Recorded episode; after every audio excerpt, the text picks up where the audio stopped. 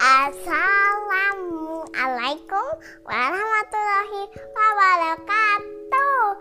Hari ini kita akan bercerita sapinya takut. Sapinya takut. Emang kenapa? Sapinya takut, matanya serem. Sapinya takut, matanya serem. Yang nggak apa-apa, diserahkan ke Papa Adi aja ya. Siap? Iya, nih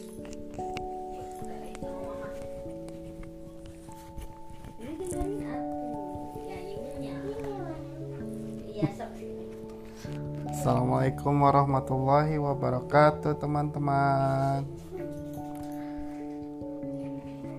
Kali ini Papa dimintain cerita tentang kisah Nabi Harun. Tapi Rerenya tidak berani melihat gambarnya. Soalnya gambar sapinya serem matanya serem. Jadi Rere mau ngumpet. Biar Papa Adi aja yang bacain ceritanya. Mari kita mulai. Nabi Harun adalah saudara kandung Nabi Musa.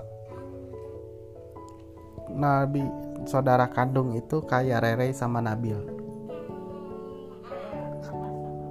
Adik kakak. Ya,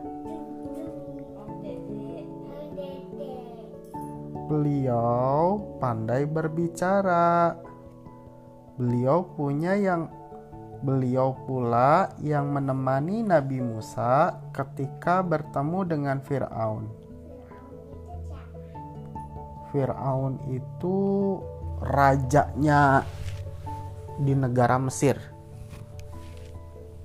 Dulu Firaun itu menganggap dia sebagai Tuhan. Soalnya Firaunnya hebat, punya kerajaan besar, punya istana besar. Asia. Iya, nanti Rere bakal tahu ceritanya.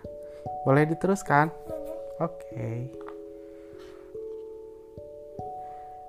Musa berkata, "Ya Tuhanku, lapangkanlah urusanku, dadaku, dan mudahkanlah urusanku." Sebentar, ulangi. Musa berkata, "Ya Tuhanku, lapangkanlah untukku dadaku dan mudahkanlah untukku urusanku dan lepaskanlah kekakuan dari lidahku supaya mereka mengerti perkataanku. Dan jadikanlah untukku seorang pembantu dari keluargaku yaitu Harun. Saudaraku teguhkanlah dengan dia kekuatanku, dan jadikanlah dia sekutu dalam urusanku, supaya kami banyak bertasbih kepada engkau dan banyak mengingat engkau. Surat Taha ayat 25 sampai 34. Bertasbih Bertasbih itu mengingat Allah. Allah Maha Pemurah mengabulkan doa Nabi Musa. Allah berfirman, "Sesungguhnya telah diperkenankanlah permintaanmu, hai Musa." Surat Toha ayat 36. Sesuai dengan perintah Allah, Nabi Harun, Nabi Musa, dan pengikut mereka tinggal di Mesir. Mereka beribadah dan menyebarkan ajaran Islam. Suatu ketika, Nabi Musa pergi untuk suatu urusan. Nabi Harun yang tinggal sendiri melihat bahwa pengikutnya disesatkan oleh Samiri. Samiri itu orang yang ikut diselamatkan oleh Nabi Musa. Bani Israel. Jadi setelah menyeberangi lautan, ya kan? Terus Bani Israel tuh istirahat dulu di suatu tempat. Terus Nabi Musanya berangkat dulu. Nah, Bani Israelnya ditemenin sama Nabi Harun. Gitu. Boleh diteruskan?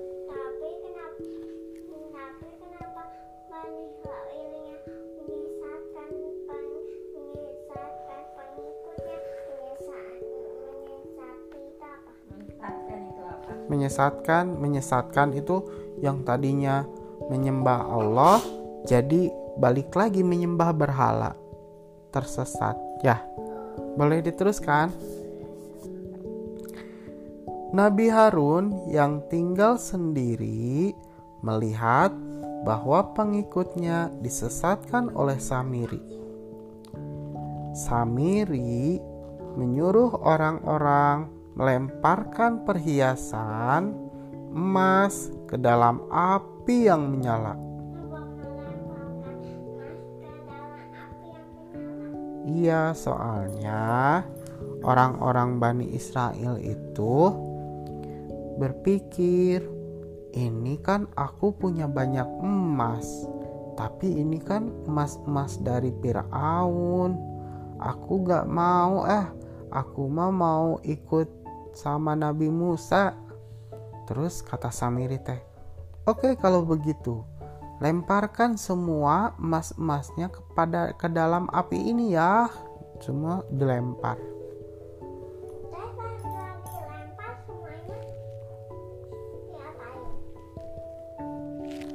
Sudah dilempar, kita bacakan. Dari emas yang mencair itu kan panas ya. Terus mencair. Samiri membentuk anak sapi. Dia juga membuat rongga dalam tubuh sapi. Jika angin masuk ke dalam rongga, anak sapi itu terdengar seperti bersuara. Oh?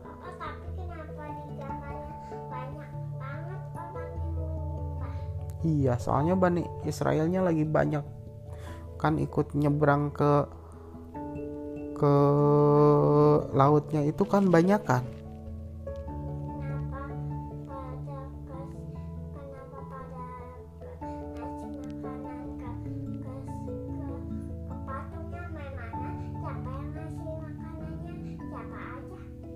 Kurang tahu, kita dengerin dulu ya.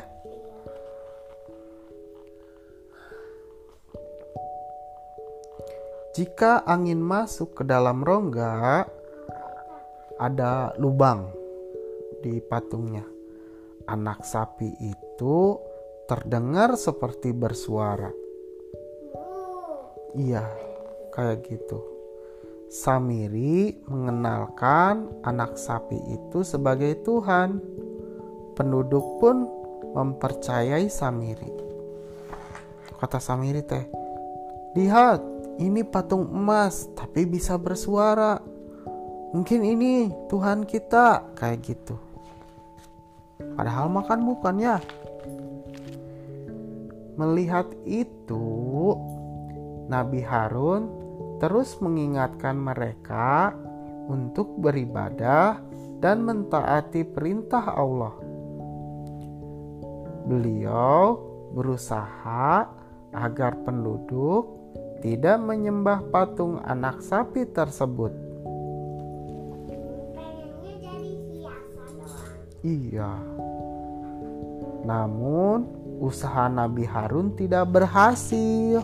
Nabi Harunnya pengennya sama orang-orangnya beribadah, beribadah kepada Allah sama itu patung sapinya dari hiasan doang. Iya, tapi tidak berhasil. Mereka tetap menyembah patung anak sapi buatan Samiri.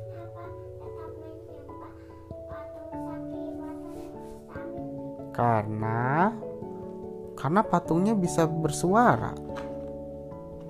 Boleh diteruskan? Ketika pulang dari Bukit Sina, Nabi Musa sangat kaget melihat penduduk menyembah patung anak sapi yang dibuat Samiri. Kenapa sangat kaget? Kata Nabi Musa teh, Hah? Kenapa orang-orang jadi menyembah patung kayak gitu? Bani Israel.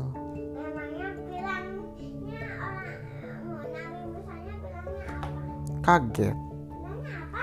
Hah? Kenapa menyembah patung? Kayak gitu. Boleh diteruskan?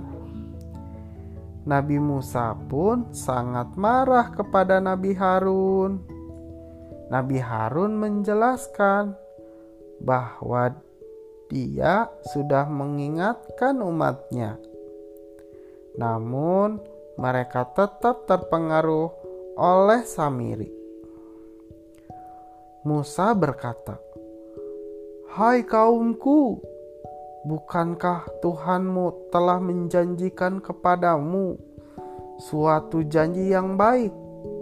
Maka, apakah terasa lama masa yang berlalu itu bagimu?"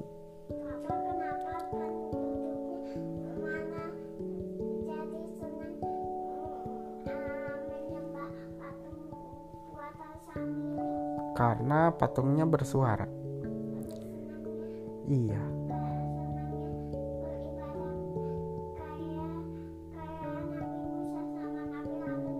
Oh ini soalnya Nabi Musanya kelamaan nunggunya. Jadi sama Samiri langsung dibikin. Ini kan Nabi Musanya bilang,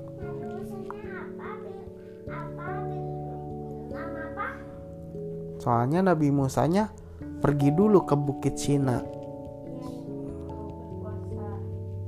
Naik dulu ke Bukit Sina, ke gunung.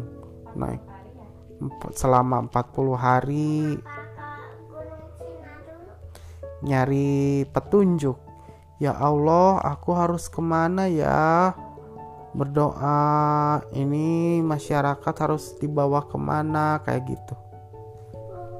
Ini ya, boleh diteruskan? Ini Nabi Musa langsung bilang gini, apakah terasa lama masa yang berlalu itu bagimu? Atau kamu menghendaki agar kemurkaan dari Tuhanmu menimpamu? Lalu kamu melanggar perjanjianmu denganku. Surat Toha ayat 86. Terus mereka berkata, kami sekali-sekali tidak melanggar perjanjianmu dengan kemauan kami sendiri. Tetapi kami disuruh membawa beban-beban dari perhiasan kaum itu. Maka kami telah melemparkannya dan Demikian pula Samiri melemparkannya. Kemudian Samiri mengeluarkan untuk mereka dari lubang itu anak lembu yang bertubuh dan bersuara. Sapi. Mereka berkata, "Inilah Tuhanmu dan Tuhan Musa." Tapi Musa telah lupa. Surat Toha ayat 87 88. Nabi Musa menyuruh semua umatnya untuk bertobat kepada Allah.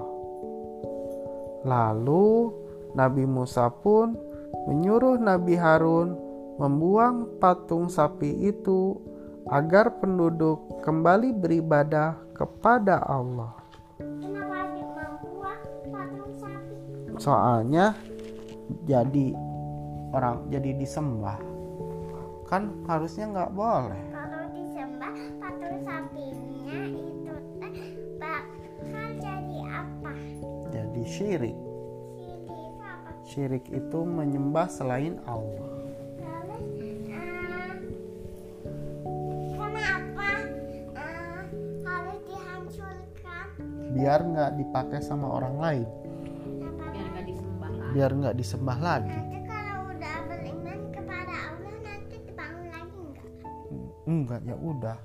Itu mah harusnya jadi perhiasan lagi, bukan dijadiin tempat untuk disembah. Loh, nanti bisa dibikin lagi dong Iya, dihancurin dulu, dijadiin perhiasan aja. Jadiin cincin, gelang, anting. Juga, ini juga. Iya, suka. Anting, Iya. Terima kasih teman-teman telah mendengarkan kisah Nabi Harun. Cukup sekian. Assalamualaikum warahmatullahi wabarakatuh.